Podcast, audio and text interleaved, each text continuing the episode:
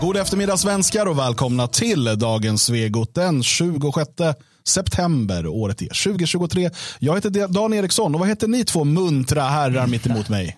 Magnus Söderman här. Jalle Horn. Oj, oj, oj två stycken bastanta karar som ska hålla i nu när det gungar här på eh, regalskeppet eh, Sverige AB. Ja, alltså det finns ju inte så mycket. Det finns alltid jättemycket att vara glad åt naturligtvis. Ja, men just för tillfället då tittar vi på vad som händer och sker och i det här sammanhanget så är det nog snarare så att vi behöver vara lite mer allvarsamma um, och um, sammanbitna jag menar, det är ju inte varje dag som man spränger sönder fasader på lägenhetshus i Sverige ändå. Eh, det kommer bli varje dag, men det här var lite nytt, tänker jag ändå. Finns det något symboliskt i att fasaden rämnade? Det tycker jag.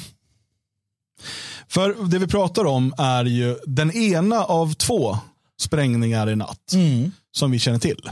Mm. Eh, och Det är ju den i Linköping. Eh, och För er som tittar på videoversionen så ser vi en bild från Linköping eh, och eh, huset där det då eh, sprängdes. Man sprängde även i Hässelby väster om Stockholm. Mm. Eh, och Där har ett par personer dessutom kommit till skada. Det verkar inte finnas några personskador i Linköping. Vilket på ett sätt känns otroligt när man ser bilderna. Mm. Eh, men också eh, så är det ju så att man verkar ha sprängt trapphuset. Precis, mm. Eh, det hade ju räckt med att någon hade gått ut för att gå ut med soporna eller gå ut med hunden eller kanske till och med stått i, i innanför eller på väg in i sin lägenhet eller på väg ut och sen hade ju inte, då hade ju den människan inte funnits mer. Precis som att du går och tar en öl på lokala krogen och äh, kommer inte hem igen äh, mm. som den här 70-åriga farbrorn eller vad han var äh, gjorde här om sistens. Så att Nej, men det är ju, vi har ju sagt att det kommer gå åt det här hållet och det kommer ju bli ettervärre naturligtvis än det blir bättre. Vi, vi hörde här om sistens en sån som Karin Götblad som ändå sitter högt upp i den eh, polisiära organisationen som sa att det här kommer ta några år. Alltså, mm. Enligt polisen själva kommer det ta några år innan man kommer liksom lite mer till rätta eh, med eh, gängkrigen och skjutvapenvåldet som vi ser. Och då också efter först ytterst repress, repressiva åtgärder. Mm. Um, men, men, ja, mm. Jag vill bara då snabbt inflika här att um, nu tar man tag i det här. Det gör man. Det gör Regeringen har ju nämligen kallat till krismöte. Mm, härligt, det är ändå, ändå bra. Ja, de sa, eh, var det någon som vill på kaffe? För nu är det dags igen. jag, jag, vill bara, jag vill bara hålla kvar lite grann. Hålla kvar lite grann vid en sak du sa och ta det och dra det närmare mig. Mm. Um, och det var att du sa som vi vet. Och det är viktigt att komma ihåg att det är väldigt mycket som händer som vi inte vet. Den här typen av stora händelser naturligtvis går inte att, att, att tysta ner. Men jag minns bara för några månader sedan så var det en skjutning i Töreboda som mm. ligger en bit härifrån. Då, någon som sköt in i ett fönster eller någonting. Och det visade sig att det tillhörde den här konflikten, gängkonflikten, den här större konflikten. Det var ingen som skrev det någonstans i, i pressen. Eh, kanske lite lokalt här sen att han hade att göra med något av de här gängen eller hur det var. Men alltså det hände väldigt mycket ute i landet. Mm. Väldigt mycket. Vi hade den här misshandeln i Västervik. Har den något med det här att göra? Eh, har den något med att göra den här typen av människor, det här våldet, den här grymheten, det här hatet mot svenskar. Hela den här uh, mosaiken som, som vi kan lägga. Mm som vi inte vet någonting om. Det, det intressanta när du säger så det är att eh, du säger det är mycket vanligare än man tror för allt kommer inte upp i media. Och eh, hur reagerar människor på allting? Jag menar, de kommer inte reagera längre när det händer dagligen. Och man måste ju förstå att det här kommer ju att hända dagligen. Mm. Sådana här saker. Hämndaktioner, eh, bara, bara gängkrig i största allmänhet. Eh, allting man kan föreställa sig. Och jag menar, hurdana blir vi när vi glömmer det där? Mm. Bara ungefär som, jag vet inte, hur, vad, vad, har man slutat reagera på när man ser på tv eller läser en tidning eller något sånt där man, ah, ja men det där bekymrar mig inte längre. Men kommer ni ihåg uh, Stureplansskjutningarna på 90-talet? Ja, oh, just det. Oh, ja. Och det skrevs i flera månader. Kommer ni ihåg vad skytten hette? Det var två stycken. Han kommer ihåg vad någon av dem hette? Ja, eh, Cetreus. Kolla här. Marcus det här är, är det, 30 år sedan snart. Mm. Och vi, ja, Jara, ja, precis. Jara och Satreus. Det var så stor grej då. Mm. Det var så mycket media på det. Att vi har fått in, vi kommer ihåg namnen på skyttarna för 30 år sedan. Mm. För att det var en sån, liksom, så stor händelse. Och, och, det var liksom, ja, nu hade vi den här, nu vet, har de inte gripit någon för skjut, eh, skjutningen i Sandviken. Nej. Men vi har ju skjutningar var och varannan dag. Mm, men vad heter han som, som sköt den här med, med killen på gymmet i Stockholm? Någon svart kille, jag har ingen aning. Nej. Men jag, jag, jag, jag reagerade inte nämnvärt heller. Alltså när jag började, eh, när vi började med, med sändningarna i Radio Framåt och liknande, då var jag fortfarande eh, känslomässigt engagerad. Mm. Både, nu har det inte varit så mycket med gruppvåldtäkter på ett tag. Inte vad vi hört om. Inte vad vi Nej. hört om, ja, precis. Utan nu är det annat då. Men, men det var att man brydde sig. Eller jag bryr mig ju rent intellektuellt. Eller jag, jag, jag registrerade och så vidare. Men jag, känslomässigt så nej. Det här var en så här, "Ja, nu har de sprängt igen. Liksom. Så går man vidare. Man noterar var, när och hur.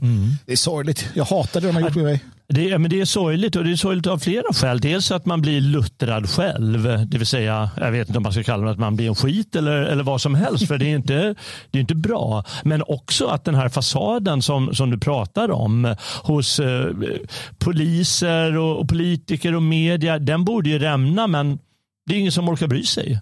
Så den får leva kvar, eller de får fortsätta ha sina fasader. Igår sprängdes det fler bomber i Linköping än i Kiev. Mm.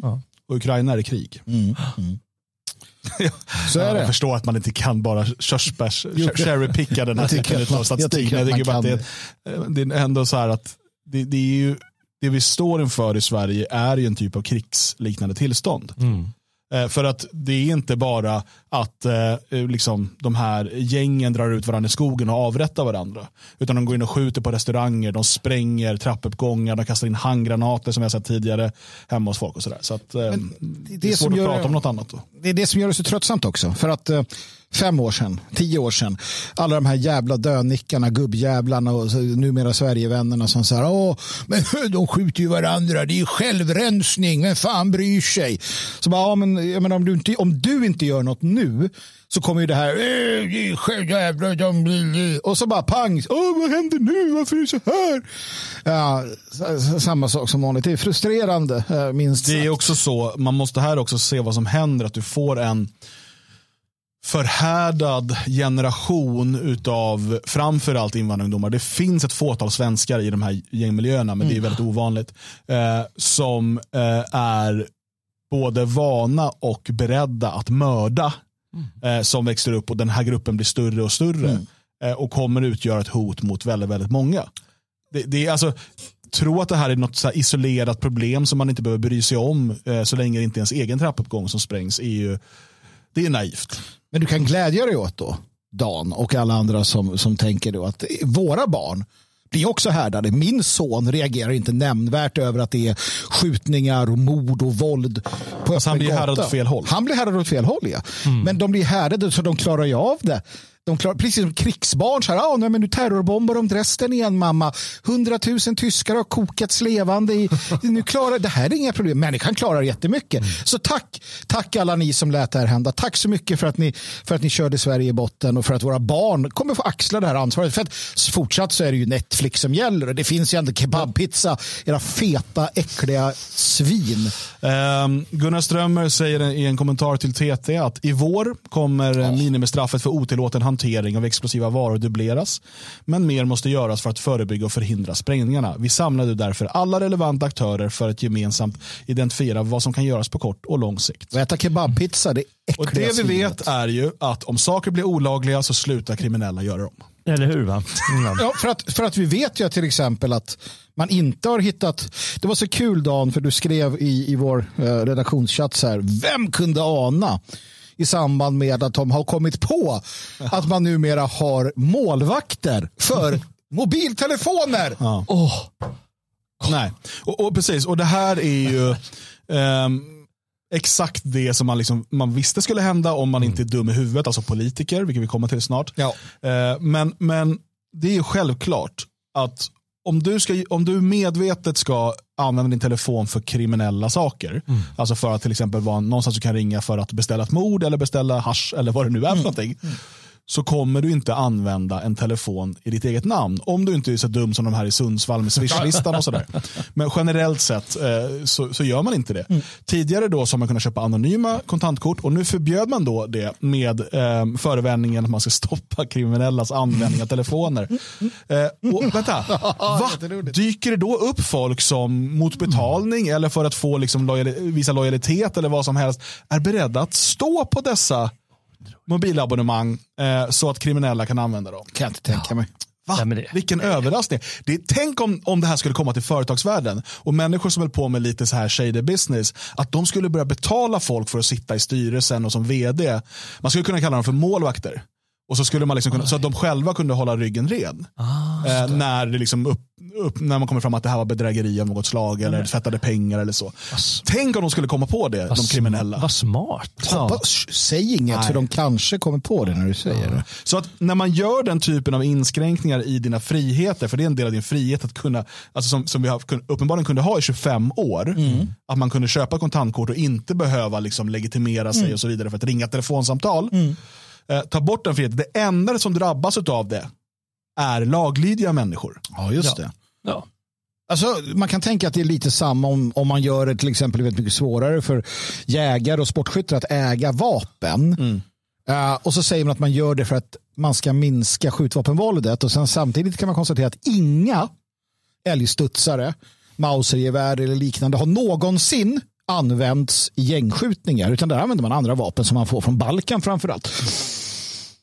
Skulle man kunna säga att det där är bara skitprat. Mm. Att det som knäktarna då gör, alltså polisen och annat, att det bara är trams. Va? Uh, eller inte, jag vet inte, men i alla fall. det uh, det, det känns som det. Känns som att det är något lurt här. Jag vet inte, vad tänker du? Eller känns det lurt? ja, har jag inget att säga om det. Jag tycker det, är så, ja, men det är så löjeväckande. Läste, läste här förut att ja, i den här artikeln hur Thomas Bodström då... Det, den här artikeln är alltså i Dagens Nyheter, en artikel som heter Ex-ministrarna förstod inte att det kunde gå så illa. Att ja, gå så illa. Där Thomas Bodström säger ja, men jag fick ju mycket skit för att jag utökade lag om, om övervakning. Ja, det var det enda han gjorde. Något, som redan i sig var ganska dåligt och dessutom kommer bli mycket mer av och aldrig tog tag i problemet själv. Nej, och, och så här, vi har under de senaste 20 åren plus fått en kraftigt ökad övervakning av allt ifrån vår datatrafik till våra gator och torg till eh, att vi har ständiga GPSer i våra fickor. Allt det här. Vi har fått mycket, mycket mer övervakning. Vissa saker är frivilligt så vi bär telefonen med oss. Många andra saker då via eh, att staten har infört nya regler och lagar för detta. Har detta eh, gängkriminella våld som man nu pratar om, har det minskat eller ökat under den här tiden? Mm. För att om det nu hade varit så att de här nya övervakningslagarna som Bodström var med och genomförde, att de hade haft den effekt som man påstod, då hade väl inte gängkriminaliteten ökat? Nej, det borde den inte ha gjort. Det. det tycker man inte. Nej. Men, men det verkar den ju ha gjort i alla fall. Det är lite intressant. Jag lyssnade på ett uh, avsnitt av podden Sekter om Jehovas vittnen och deras interna rättssystem där Thomas Boström var med. Och då, då, ställde hon som höll programmet frågan, så, ja, men, hade ni koll på att det här fanns och så vidare? Och han bara, ja, alltså som minister, eh, justitieminister, så du har ju massor med, med, med experter och människor som kan liksom, som berätta vad som händer och kommer hända och analyser och sådär. Så man har ganska bra koll. Mm. Fast nu säger han att han kunde inte överhuvudtaget mm med alla dessa experter och allting veta vad som skulle ske, då måste vi ju lägga ner ja. de här. Men Bodström, han är självkritik för en sak. Att de inte ägnade sig mer åt integrationen. Ja, just det. Och nu, nu, nu är vi tillbaka där. Snälla, det här blir en följetong i, i de här senaste veckorna, men det måste vi återkomma till. För alla de här nämner alltid den där integrationen. Mm. Som det där, för integrationen har inte funkat. Men, men snälla människor då. Vad är denna integration och hur ska den gå till? För det är fortfarande ingen, det, det här är som, eh, det är en typ av religion de håller på, en kvasireligion. Där man då hänvisar till något mystiskt yttre eh, fenomen som ska lösa allting. Men ingen har sett det, ingen kan förklara vad det är. Men alla är övertygade om att det finns där och kommer att rädda oss. Mm. mm. Ja, men det blir ju deras eh, kvasibegrepp för att Inte bara slippa ta itu med, ta, ta, ta itu med elefanten i rummet, utan dessutom kunna skylla för att ha ryggen fri. För det handlar ju så ofta om det. De ska ha ryggen fri. Att de inte har, men jag gjorde nog inget riktigt fel då. Det var ju okej det jag gjorde. Jag gjorde faktiskt ganska hårda grejer men jag kunde inte ana det här. Och så skyller de på integrationen. Kolla där, smilfinkarna. Mm. Nej, och det vet vi ju sen, sen gårdagens eh, program också. Ni som lyssnade då, tittade då, vet ju att han ljuger. Mm. Alltså, han visste. Han blev varnad. Som man i andra sammanhang eh, säger att experter, det är klart att tonvis med säkerhetsexperter och analytiker och, och myndighetspersoner berättar att det här är på gång, det här kommer ske och så vidare. Men han är en, en av sosseriet och sosseriet vet vi, vi lärde oss igår att sosseriet tänker så här att om Sverigedemokraterna eller skinheads säger en sak, då måste vi säga tvärtom. Även om vi vet att de har rätt. Och Det var så de gjorde under alla år och körde Sverige i botten. Det erkänner de i den där boken. Eh, Hej då till Bull- Bullerbyn. hette. Han ljuger. Ja. Eh, Hur är det med den här eh, kvinnan som sitter där? Det vet jag inte. Beatrice Beatrice Ask Ask. var ju då alltså eh, justitieminister under båda Reinfeldt-regeringarna. Just det. Och hon säger så här. Jag tror inte att man förutsåg de sociala problem som skulle kunna uppstå i utsatta områden. Hur djupa de är och hur svåra de är att hantera. Vad trångboddheten och arbetslösheten kunde leda till. Det fanns politiker som var ute och pratade om allvaret i detta, men det var inte riktigt okej att prata om. Just det. Nej, men, det var några skinnskallarna nu igen. De var där. Det var inte riktigt okej. Vem sa att det inte var okej att prata om det? Ja, just Det var ni Ja, som det var sa det. det. det. var Fredrik Reinfeldt som stod och sa öppet att, när, att Sverigedemokrater får räkna med att bli misshandlade eftersom att de ställer folk mot folk. De ställer grupp mot grupp. Och då ska man inte bli överraskad, så sa han. Då ska man inte bli överraskad om man blir misshandlad. Knivhuggen var det. Knivhuggen var det. Ja, men alltså att, och, och det var den typen av retorik. Han gjorde, eh, skapade en ohelig allians med Miljöpartiet och öppnade Sveriges gränser bara för att straffa svenskarna. Det har han också varit tydlig med. Bara för att straffa svenskarna för att de röstade på Sverigedemokraterna. Nu jävlar svenskjävlar, nu ska ni få se en invandring som ni aldrig har sett förr. Det var hans budskap. Han var ju en, sin- det var ju en sinnessjuk människa. Man måste förstå det med, med ett väldigt hat. Och som sagt att han var till och med öppen om det. Och så sitter människor ehm, och, och, alltså, och sen hade han ändå, och det är det som liksom diskvalificerar hela den här demokratin och rösträtten och allting, att, att han kunde liksom få två mandatsperioder. Ehm, Sen stöp han ju den sista efter det här öppna Och, och, så här, okej. Ändå tror jag inte att någon för tio år sedan kunde tänka sig att vi skulle ha 13-åringar i så grov kriminalitet. Att de skulle gå runt. För tio år sedan. Folk kunde tänka sig det för 30 år sedan, jag lovar. Ja. Vi hade tonåringar i sån, för tio år sedan så var det tonåringar som var i sån grov kriminalitet.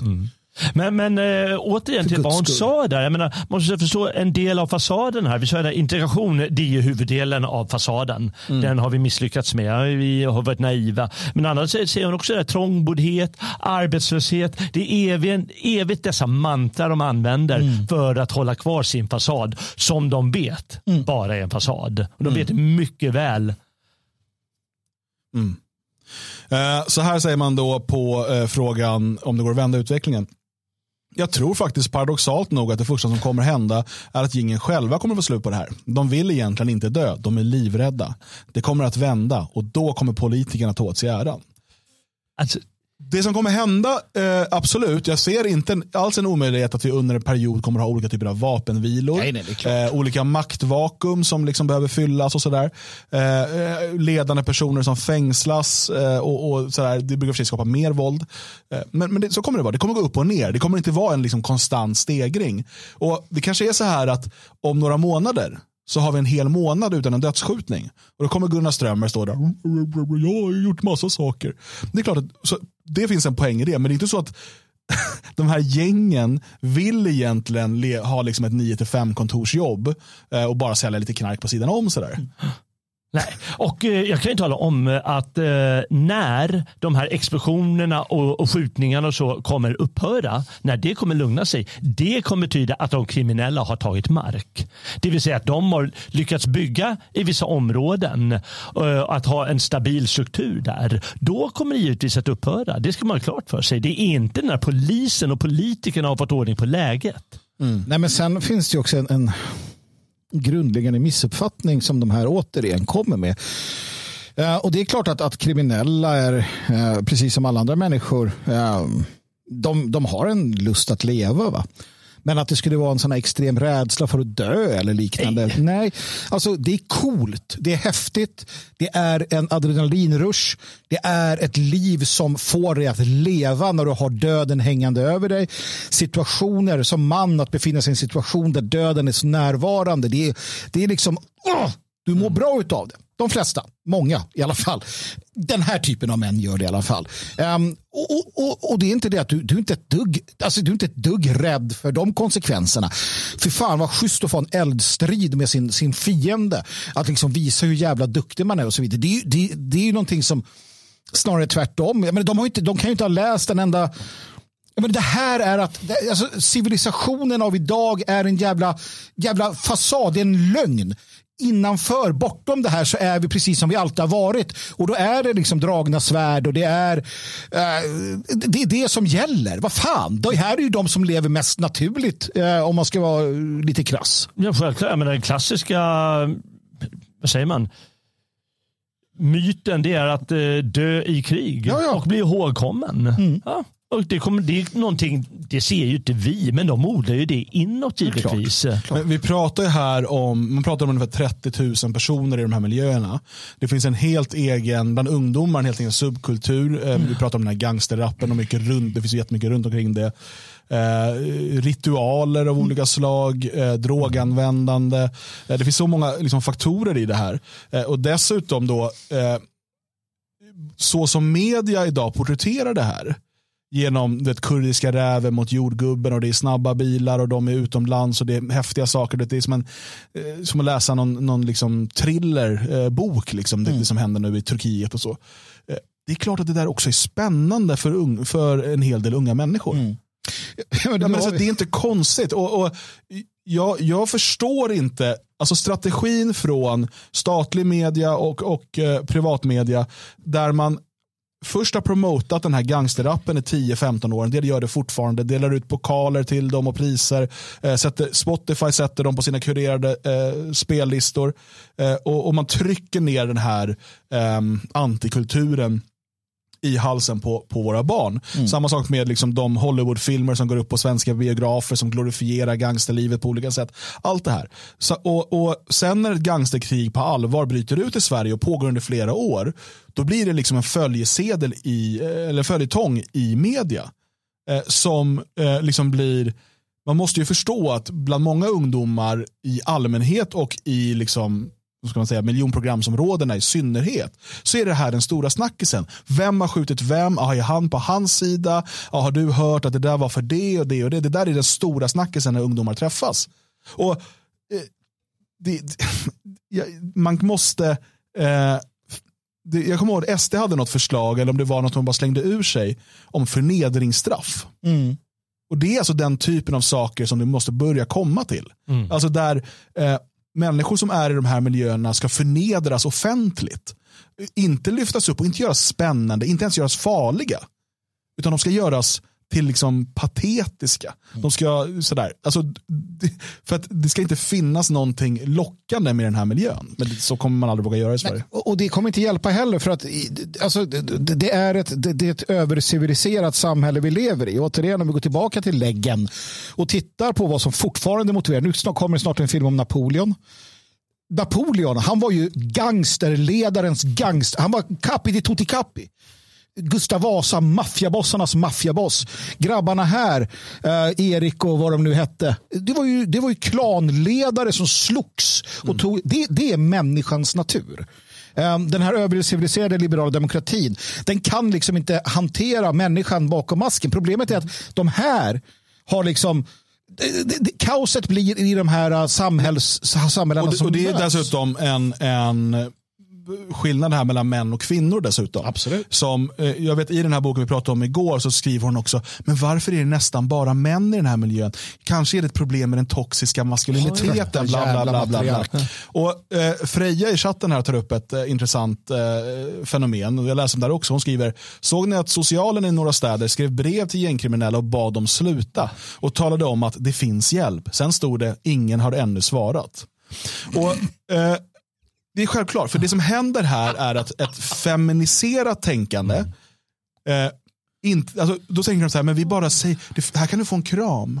Kommer ni ihåg det här eh, när eh, nationalister blev eh, ganska starka på 90-talet? Då var också det, de behöver en kram. För då måste det vara vår brist på kärlek. De har inte fått tillräckligt med kärlek, de har inte fått en kram, de behöver en kompis. Då kommer det här, eh, då kommer de sluta ha liksom, massa kritik mot invandringspolitiken. Sanningen var ju att vi tyckte det var kul att slåss. Uh, jag menar, det var kul att, att göra illa våra fiender. Det var, det var på riktigt roligt. Ja, men alltså, inte bara det, vi, i de här eh, gemenskaperna som växte fram, gängen som växte fram, så fanns det en gemenskap och en gemensam strävan som det, det eh, mainstream-samhället saknade. Det fanns äventyr, det fanns fara, det fanns alla de här sakerna. Det finns likheter med det som vi ser här Absolut. idag. Det är därför när vi har pratat om det så många gånger, jag förstår mekanismerna bakom att 13-åringar söker sig till det här. För det vi har sett nu det är ju det här med att eh, polisen går ut och berättar att många, eller fler, flera exempel på barn, alltså under 15, som frivilligt då, aldrig haft med den här gängkriminella miljön att göra, tar kontakt med dem för att säga att jag kan utföra ett uppdrag. Jag, kan, Ja. det, jag vet att det finns en lista med folk som ska dödas. Jag är beredd att ta ett av de jobben. Ja, självklart. Jag menar, i, i eh, krigsutskrivningarna eh, i början av seklet till första världskriget och, och, och före det också. Men de fick ju avslå människor. Nej, du får inte komma med. Folk kom ju med falska lägg. De vill ju vara med i krig för fan. Ja, det är klart de vill. Ja.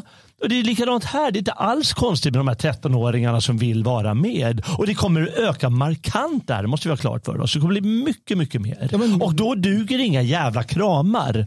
Det, finns inte en chans. Men, men vet du vad skrämmande det är? Att I och med att det kommer öka med de här barnen som kommer vara med, då kommer det komma fram mer av den här kramretoriken. Det kommer synas mer i, i media. Och Det är det som är så sjukt, den här balansen mellan det totalt främmande och den, den nästan skrämmande verkligheten. Jag kommer ihåg att det var en del, det var en del som var sura kärringar var det. Uh, och nu använder jag kärring som ett jävla negativt begrepp. Um, jag lägger mer i det än vad det behöver vara. Uh, när Sagan om ringen hade premiär, eller om det var del två, det slaget i Helms klyfta. När de uh, fylkar, liksom, alla måste till, alla måste till uh, och det är Tolkien då. Alla måste till eh, murarna. Och så ser man små barn som får vapen i hand och de står där och vet inte vad de ska göra. Och jag har varit så här, yes, fan vad bra, äntligen ser folk vad som krävs. Va? Och då var det ju folk som, "Åh, hur kan de visa sådana här hemska Jo, för Tolkien visste. Han var ju en veteran från första världskriget. Han visste vilka som måste in i skyttegravarna tills. Han visste hur långt det kan gå. Han visste hur det såg ut. Läs de gamla nordiska sagorna och så vidare. Du var för fan man vid tolv.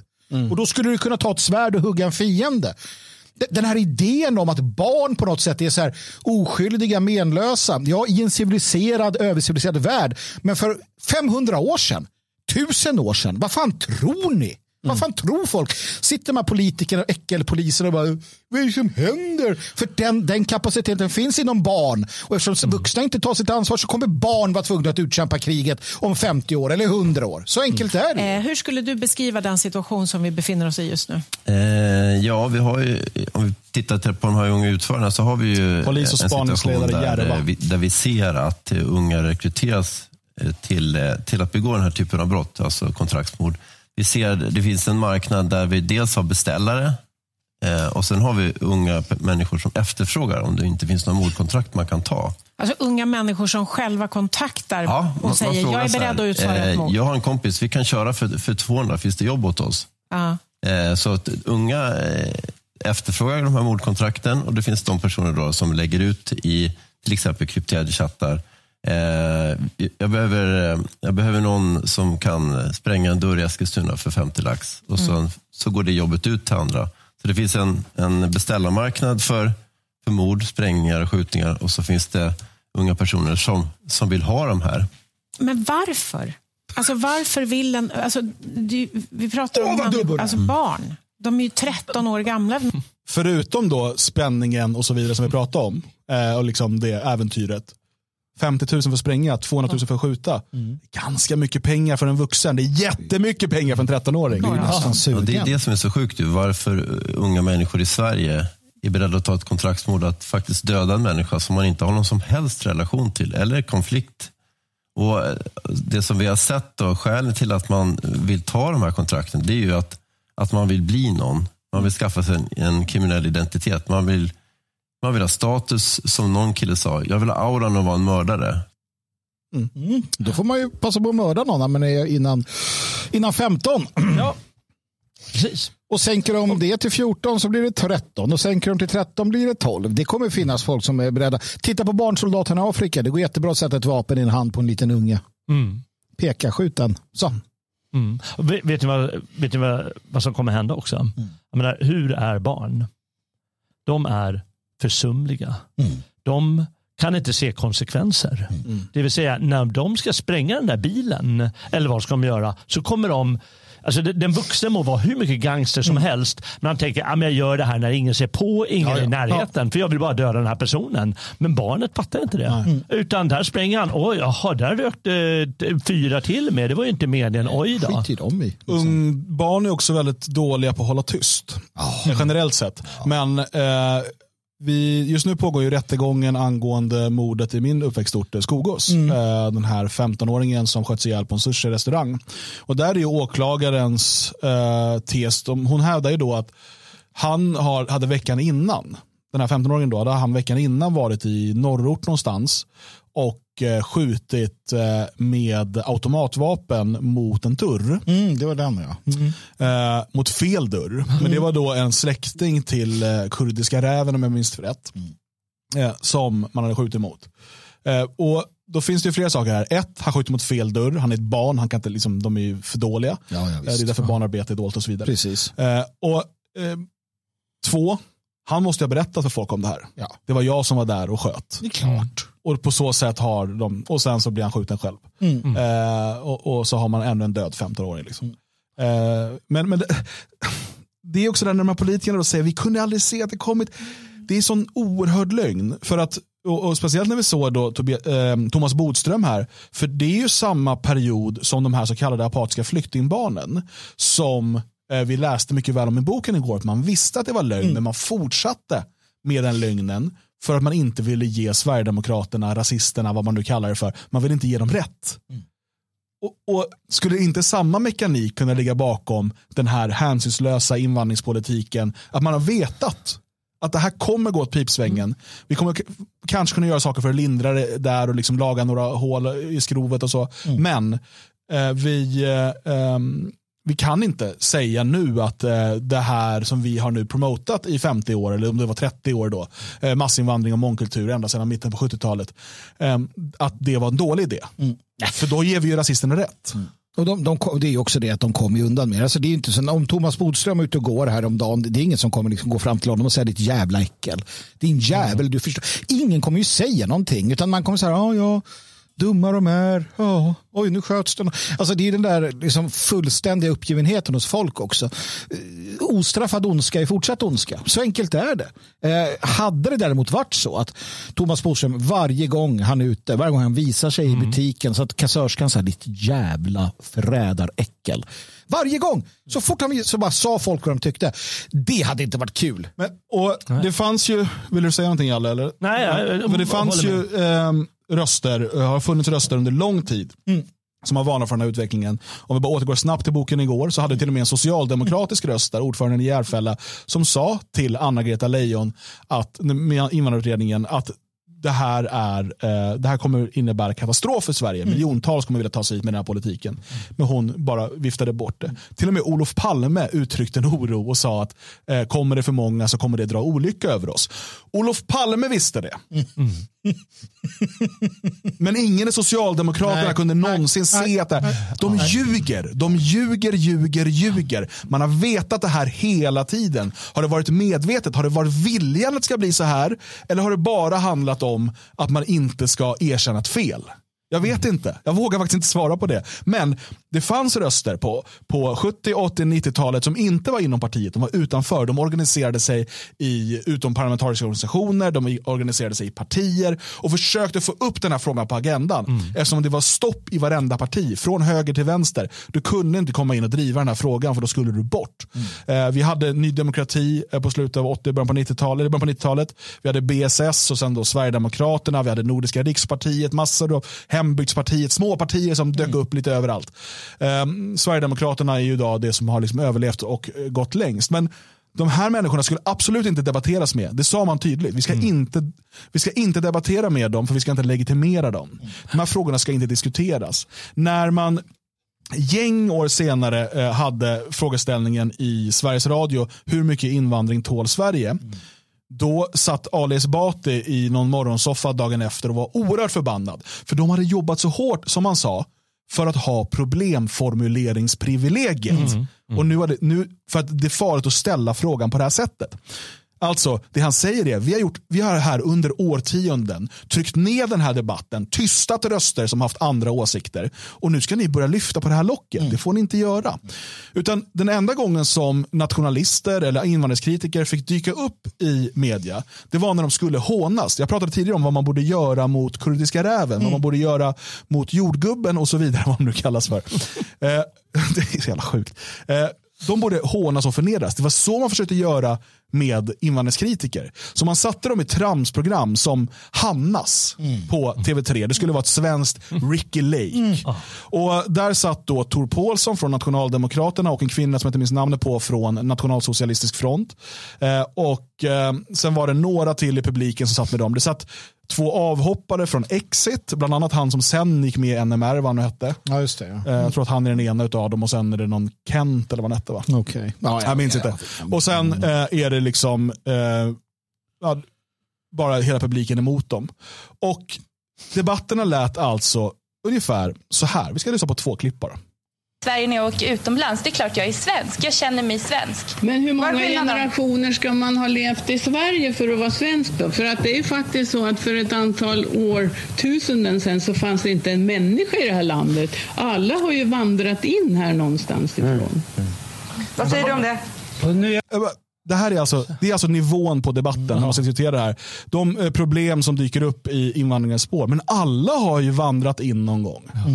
Vi kollar här på ett annat klipp. Och det, finns, det är klart att det händer säkert. Men om man tittar på svenskarna så, hä, så händer det dagligen. Vi sitter där och säger så här, invandrare si så, si så, eller hur? Du ska bara vara glad att det finns invandrare överhuvudtaget. Hur skulle du kunna äta dina jävla pizzor annars, va? Gud, jag minns allt det här alltså. Redan då var Så man här, sur. så här var debatten. Istället för att prata om problemen Ja. så skulle de sättas där och så skulle man sitta och spy galla över dem. Och liksom så här nonsensgrejer om att alla har ju vandrat in någon gång. Eller vem ska baka din pizza? Och så vidare. Ja, nej, det är...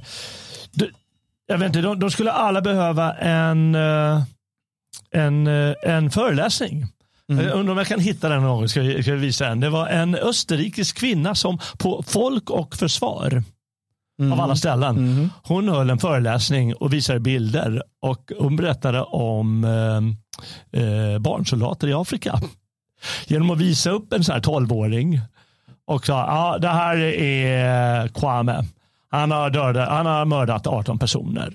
Och eh, han är 12 år och han eh, bla bla bla. Och så drog hon nästa bild och så visar hon då eh, nästa, nästa barnsoldat. Ja, men han är 10 år, han har dödat 28 stycken. Och det slutade med att de, de bara fick det i sig och bara satt och grät. Mm. De som lyssnade. Eh, då fick de, de glömde givetvis bort det sen. Men, men det, är lite, det är lite det man måste få dem att känna istället för den här fåniga retoriken där Meral säger jättevoja pizzor eller vad det är hon, och hon skriker där. Eh, Så må- måste de bara få något där det bara tar slut i dem. Men ja, det kommer ju aldrig hända så det, det, det är helt omöjligt det här. Och vet du vad som är, är värre? Nej. Eh, det är ju inte bara, eh, visste inte vad som hände. Eh, Visste inte riktigt att det skulle gå på det här viset, skyller de på, eller hur? Även om det är lögn. Men de har ingen aning om hur de ska hantera det. Hur ska folk hantera det här med att det är barn som, som börjar begå de här morden och sprängningarna och det ena och det andra? Hur ska de vi har ingen straffpolitik att tala om, för det har vi ju rationaliserat bort. Vi trodde inte det behövdes straff. Eh, Nej, det kan vi inte göra någonting åt. Ja, men vi måste nå föräldrarna. Och så säger man att nej, de, de lever ju i utsatthet och trångboddhet så det är så svårt. Och så skyller man på ännu mer. Det kommer bli sån katastrof när man, för man vet inte hur man ska hantera det. Hej Magnus. Tjena. Tjena. Fick lite leveranser här till huset. Oj. Alltså. Så är det. Vad har vi fått? Böcker. böcker. Massor med böcker. Oj, kan man kanske köpa dem på fria ord på Det lördag? kan man göra, absolut. Bara kort här, eh, det fanns ju fler då. Som, vi kan bara kolla på ett lite kort ett klipp från 89. 1989. Man kunde inte se vad det här var på väg. Anders Klarström från Sverigedemokraterna.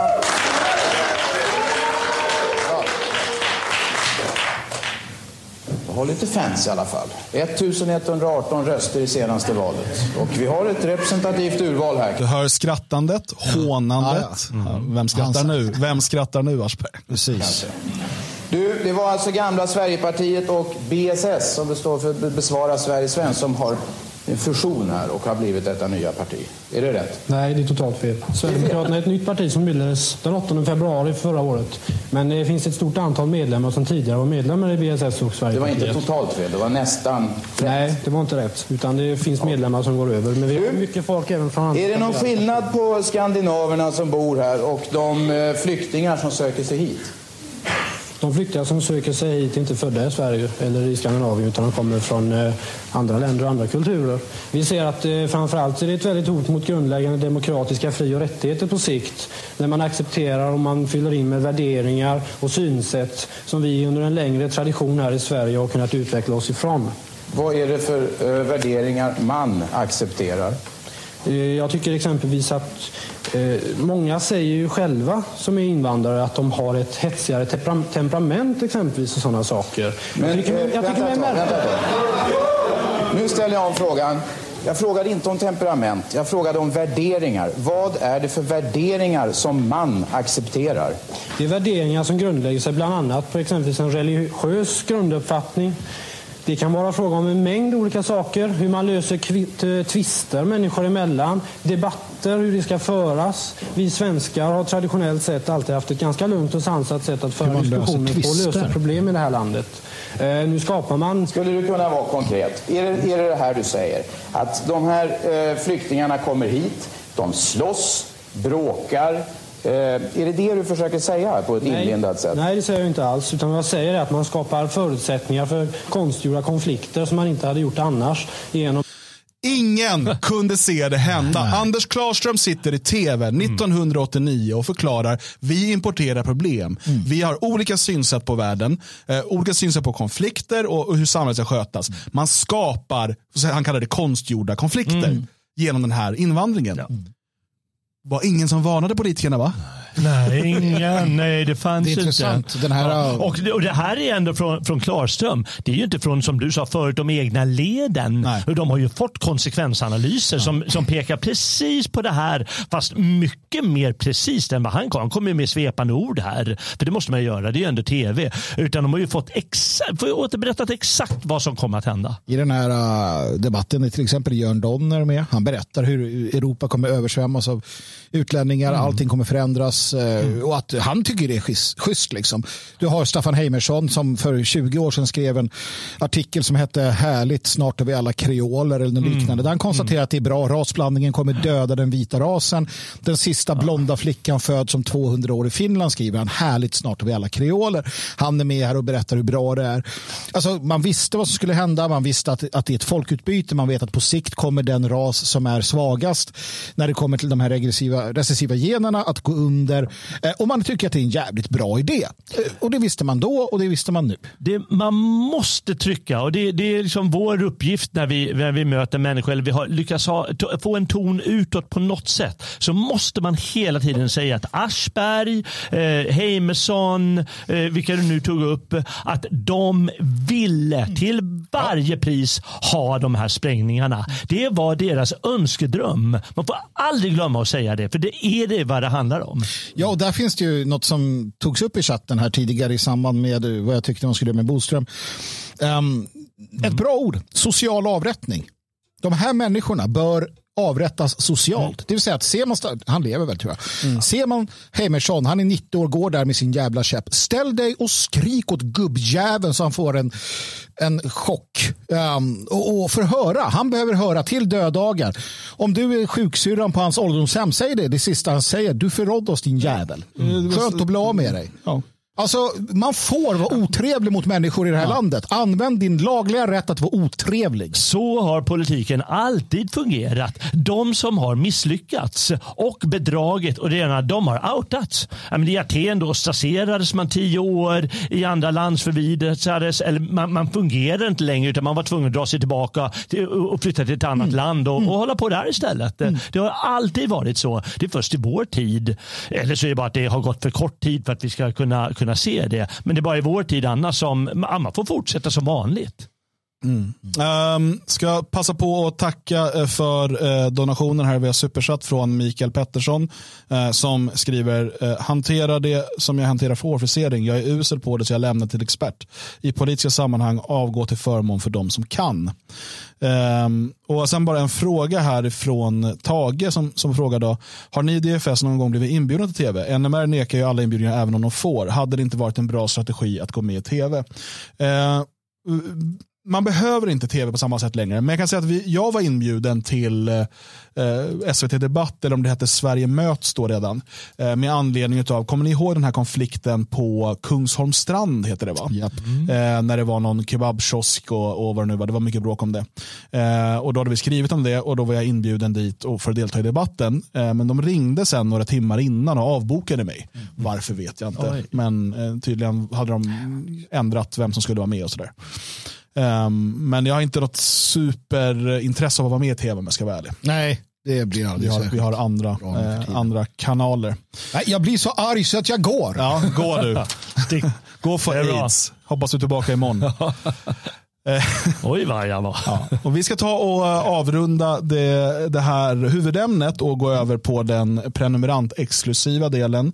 Men jag vill passa på att påminna om att på lördag, då ses vi här i Svenskarnas hus allihopa. Det ska bli så jäkla kul. Tage, Ja. du kommer väl? Jag tycker jag har sett en Tage i gästlistan nämligen. Eh, och hoppas det är fler från chatten som dyker upp. Det kommer bli superintressanta diskussioner på konferensen Fria Ord. Och du bokar in dig på detfriasverige.se snedstreck fria ord i, i ett ord. Eh, så hoppas att vi ses där. Och så tackar vi dig som har varit med så här långt. Om du vill höra eller se hela avsnittet i efterhand, då behöver du bli stödprenumerant. Och det blir du inne på svegot.se support. För att nu, nu är det dags för det älskade, folkligt hyllade inslaget Hiss eller diss. eller diss. Och jag tänker att Jalle Horn får börja. Har du någon hiss eller diss? Ja, det har jag faktiskt idag. Jag visste inte vad jag skulle ta, men eh, det, det, bara, det bara växte lite i mitt öra. Eh, hörde jag, hörde jag ett eh, fantastiskt språk. Eh, jag ska nämligen hissa något idag.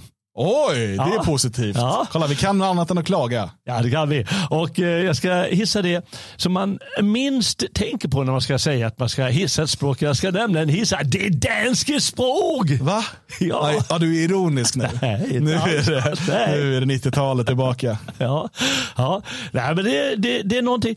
Jag vet, inte- jag vet inte om jag bara inbillar mig hela grejen, men eh, jag har för mig att eh, eh, hos danskarna så lever det kvar någon form av självklar nationell yttring. Att de, eh, ja men eh, nu sjunger vi alla i den här kungsången eller, eller, eller vad det kan vara. Kanske den eh, nutiden de har glömt det, men det är den bilden jag för mig. Och, eh, det kanske beror på, på deras språk och, och kanske deras eh, sångtradition och, och vad det kan vara. Men tycker du att det är vackert språket? Ja, men jag tycker det, eh, när vi ska se lite eh, vad vi ska se nu. Ja. Ja, som, eh, som jag har skickat till dig. Då, då tycker jag nog ändå att det har en, en häftig styrka i sig.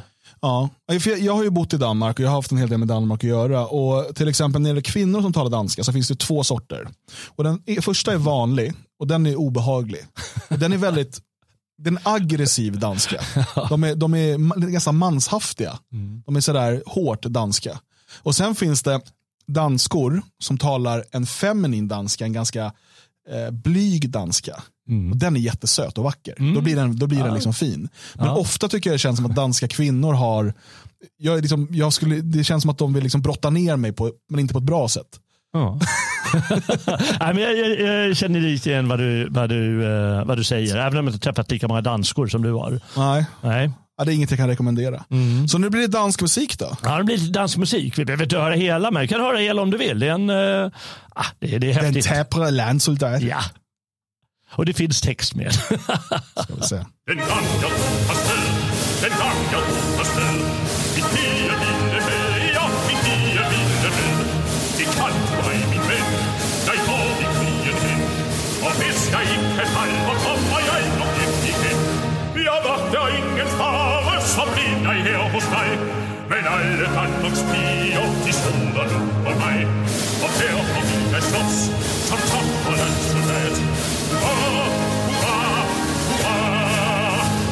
Min fader, min mor, min fader och min mor. De sagde disse ord, ja, de sagde disse ord och vem i skulle på, i krigen munde gå Dem skal som brede markerne, og hvem skal græsset slå Ja, det er netop derfor vi alle må have sted For ellers kommer tysken og hjælper os dermed Og derfor vil jeg slås som tapper Hurra, hurra, hurra. Om Dannebrog jeg vil, om Dannebrog jeg vil Die Pfalz war hinten nil, ja, die Pfalz war hinten nil. Die blaue Info-Haum, auf Ratssoldatens Raum, wo ingen an den Zähne hat am Lenz in einen Raum. Motten hat Tüsken holen und hat den Unnafol, neid ihr sie lerb auf Fähne, vor Kammel auf vor Kohl. Und der Mobil des Schloss, zum Kappel an Soldat. Ah, ah, For pigen og vort land, for pigen og vort land. Vi kämpar alle man, ja, vi kämpar alle man Og vi livsved ja, der elsker ej sit sprog Og ej vil op liv og blod for gamle Dannebro Men kommer jeg ej hjem til min gamle far og mor Kong Frederik vil trøste dem med disse herse tro. Dit løfte har han holdt, den tapper landsoldat hurra, hurra! Ja, kraftfullt. Ja, ja du vet, jag har, inte, jag har inte hört den här eh, formen av så kallad inre styrka eller bara självklarhet när man sjunger sen, sen man eh, kanske hörde någonting av Jussi Björling eller sen man, något inspelat av Jussi Björling ska jag säga. Så gamla är vi inte. Jag. Eh, För, för han hade också förmågan att eh, med, med, med nästan hela sitt väsen eh, sjunga om det svenska. När han sjöng något liknande som finns på svenska. Men det, det känns som att det går inte idag. Men det funkar på danska Ja, det är fortfarande. kraftfullt, det är det. Eh, ja, nej, jag, jag håller med. Men ja, samtidigt är ju dansken tillsammans med ryssen, det är ju ärkefienden. ja, det är väl så. Så att eh, vi kan inte vara för snälla mot dem heller. Nej, det får man inte. Men vadå, man hatar ju alltid sina bröder. Eh, Dreamwalker går i bananas i chatten här. Har vi några danskjävlar här? Nu ska det rensas. Ja, ja, det, Har det varit mycket i. Danmark? Nej, inte så mycket, men nej, lite grann bara. Ja, det mm, ja, jag vet inte, jag, jag är inte så jättefascinerad av Danmark och dansk kultur och sådär. Uh, alltså, trots att jag har bott där och så. Men jag, jag tyckte det påminde mycket om Sverige, bara det att var ändå väldigt annorlunda. Det var det så konstigt. Alltså, det var den där nästan uncanny valley. Du vet att det kändes som att det här ska vara som Sverige, fast det är inte det. Och sen så, jag vet inte, vad Ja, konstigt. ja, men det och, vettigt. och jag menar, de tjatar om sin jävla fläskesteg, men det är ju bara... eh, ja, men, ja, och så remoulad. Nej, jag vet inte, jag är inte superimponerad. Den där röda korven är ju inte... Nej, det är ju bara en röd korv. Ja, liksom. den är bara röd. ja. Ehm, I badminton är de ständiga fienden, säger Eva-Marie. Ja, de har faktiskt världsettan i badminton just nu, i dansk. Ja, just det. Det är typ- en, en, alltså på här sidan också eller? Ja. ja. Eh, på damsidan vet jag inte. men på Nej, här nej, sidan, de var ju bra förut i alla fall på damsidan. Men, Axel Sen, eh, han, eh, och det är ganska kul för att det är typ bara kineser eller asiater i toppen. Mm. Och så. Och så kommer en dansk och han är så stor också. Det är, normalt sett brukar de, de brukar vara små och snabba liksom. Men han är väl 1,90 eller någonting. Mm. Åh, och liksom så här, Ja, men en, nej, det är bra. De blir ju rädda kineserna. Så att i så här VM och sånt, då hejar jag på dansken faktiskt. I det. För att svenskarna har ingen som kommer så nära. Men man vill hellre att Axelsen vinner än någon Li Chong-hoj eller sådär. Du sjunger väl den här visan då? Självklart. nu börjar, jag tror Enya Rave har eh, danska rötter här eller någonting. För eh, hen skriver, vadå, ni äter ju julmat till midsommar och påsk. Jo, jo det är sant. Eh, så kan det vara. Jaha, får jag spela? Ja, kör nu. Hiss eller diss? Och jag ska dissa. Ja, det är alltid roligare. Får inte bli för, avsluta för positivt. Jag, jag, jag har gått och irriterat mig på en yrkesgrupp. Nu ställer vi mot dem. Ja, men en specifik yrkesgrupp eh, eh, som har hållit på och strejkat på sistone. Oh. Och det är de här jävla manusförfattarna i Hollywood. Och varför irriterar mig på det? Jo, för att en sak som de håller på och tjatar om, det är även, även, även de här um, skådespelarna i Hollywood, det är att de är så oerhört arga på AI. Ja. De vill ju ha massa kontrakt nu att man inte ska få använda AI och så vidare. Och helt ärligt, manusförfattare som vill då reglera AI, alltså användningen av artificiell intelligens i textskapande. Det är ungefär som att korrekturläsare skulle protestera mot att det finns rättstavningsprogram i datorn. För att det är ju fortfarande bara verktyg och det kommer alltid vara det. Sen är det klart, eh, de här eh, generativa AI blir bättre och bättre och till slut kanske man bara kan liksom ge den några få ord och så skapar den ett manus. Ja, men i sådana fall, om det manuset blir bättre än det som de här manusförfattarna gör, ja, då ska man väl göra film på de manusen. Ja. Då måste väl de, och det, vi har ju sett det här genom, genom mm, liksom, historien hur eh, ny teknik kommer och då är det någon yrkesgrupp som blir så förbannad. och sådär. Jag menar, vi, vi har pratat om riskerna med AI och det är en helt annan, det är en helt annan fråga. Liksom, vad, vad, vad som finns där. Men just då så här, nej för det där tycker jag kan hota mitt jobb. För det första är jag osäker på om det hotar ditt jobb. Jag tror snarare att det är ett verktyg som kommer kanske effektivisera ditt arbete. Eh, och för det andra så är ständigt den här rädslan för tekniken. Eh, Jag läste en, en, för något år sedan eller två en, en väldigt trevlig artikel som handlade om em, växeloperatörerna, de här, tele, här kvinnorna som satt och flyttade sladdar. När man ringde dit och så blev man ja, kopplad till Andersson i Herrljunga. Liksom, och så hoppade man vidare. Och sen kom ju det, det moderna telefonsystemet. Och de var väldigt oroliga och väldigt arga då, de här. Men vad ska vi jobba med då? Eh, och eh, man var, liksom, förstod inte hur det här skulle, eh, det, vi kommer ha massarbetslöshet bland, bland kvinnor då. För det här var, det var bara kvinnor som jobbade med det här. Många hade telefonväxeln hemma hos sig eller i närheten av hemmet. Eh, Så de var nästan hemmafruar och så gjorde de det där. Men tvärtom så skapades ju det massor av nya arbetstillfällen eh, tack vare det. Och samma sak med framväxten av internet. Så eh, fanns det massor av oro om att det här kommer liksom eh, förstöra arbetsmarknaden och så. Men det som hände var att det skapades en massa nya arbeten eh, som vi inte kunde föreställa oss för 40 år sedan. Och Samma sak ser jag med, med AI. Om vi för just nu bara ser, bortser från riskerna med självmedvetande AI och så vidare. Eh, att få verktyg som effektiviserar och ehm, kan hjälpa dig i olika processer.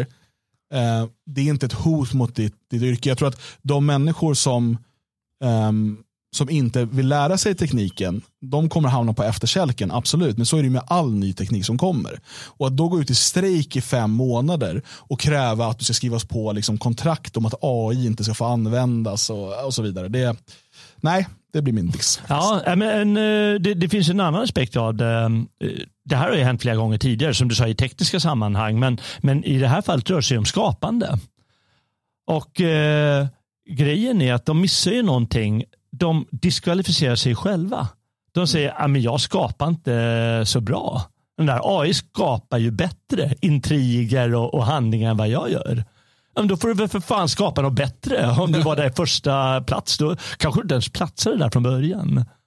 Eller hur? Så de, Ja, men, faktum är att de kommer bli bättre av det. Precis, och sen så är så här frågan, vad är AI då? För det är också så här frågan, jag nämnde rättstavningsprogram, det är också AI. Ja, ja det är sant. Alltså ja, det, ju. och det är också ja, en teknologisk hjälp som, som hjälper dig. Ja. Och Man använder sånt hela tiden. Så vad är det man menar då? Ska Ja. inte, okay, du ska inte få generera längre texter Ja, med hjälp det. av det. Ja. Eh, nej, men det, är, verkligen, det, det är smart att tänka så. Det borde de verkligen göra. Och eh, vad jag sa att det har alltid hänt där, även inom skapandet. Har, liksom, i musikens område, på, på eh, romanförfattare, vet du, när de började skriva romaner vissa. Och så oj, oj, oj. Och sen dröjde det inte länge för dussinförfattarna och kom bara, bara bara plöjde marknaden. Bara fyllde den med sådana skit. Va? Så här, trivialböcker, och enklaste sort. Ja, men, ja, blir de sura? Fan, de snor ju läsarna. Ja, då måste de ju börja arbeta på ett annat sätt eller skapa någonting bättre eller liksom på något sätt eh, manifestera sig själva. Och eh, det, det, det är bättre än strejk. Visa vad det går för. Ja. Och eh, ja, ett annat, en annan parallell är ju eh, inom musiken som du nämnde. Jag, eh, I slutet av 90-talet, början av 00-talet så höll jag på mycket med eh, elektronisk dansmusik. Ehm, nej, jag, det var ju ganska vanligt att folk sa då att det där är inte, du gör inte musik på riktigt. Ja, du sitter ju bara vid en dator och jag hade en keyboard liksom och Mm. sådär, men du sitter ju och plickar med musen och sätter ut och sådär. Så fungerar ju i stort sett all musikproduktion idag. Eh, sen så har du ju människor som, som kanske spelar instrument som man spelar in och som sen produceras i en dator. Eh, och att kunna behärska de programmen och liksom allt det, det är ju ett instrument i sig. Ehm, precis som att sång är ett instrument, så du använder din sång som ett instrument. och sådär. Ehm, och eh, Den som till exempel tittar på en, eh, en person som Avicii som gjorde elektronisk musik. Det finns en, en dokumentär efter att han tog livet av sig och då, då kom det en dokumentär. Ma, ingen kan titta på den och säga att han inte var musikalisk och att det han gjorde inte var musik. Sen kanske du inte gillar den musiken, det är en annan sak. Men det var ju samma sak där, nej men det här är inte riktig musik för att det görs i en dator. Jaha, okej. Men fast det är ju toner och takter. Alltså är det musik. Eh, och, så att, men man lärde sig att använda tekniken till sin fördel. Ja. Nej, det är värt eh, och vet du vad det viktigaste är med det här? Men om de fortsätter strejka rätt vad så kanske svenska manusförfattare slår igenom och så måste vi se deras skit. Ja, ja. ja nej, eh, hur vi ska begrava filmbranschen, det får bli nästa avsnitt. den, är, den är usel. Eh, hörni, missa nu inte lördagens evenemang här i Svenskarnas hus. Eh, vi har idag börjat ställa i ordning i salen. Vi ska fortsätta här efter den här sändningen eh, med förberedelserna. Det kommer bli en sån himla trevlig lördag tillsammans. Så in på detfriasverige.se och boka eh, din plats nu direkt. Nu tackar vi för oss för idag. Imorgon är vi tillbaka här. Förhoppningsvis alla tre om Magnus hittar tillbaka efter sitt lilla utbrott. Eh, han är ute just nu och slår på bilar utanför. Han slägger eller? eh, så kör vi klockan 14 igen. Vi önskar en fortsatt fin tisdag.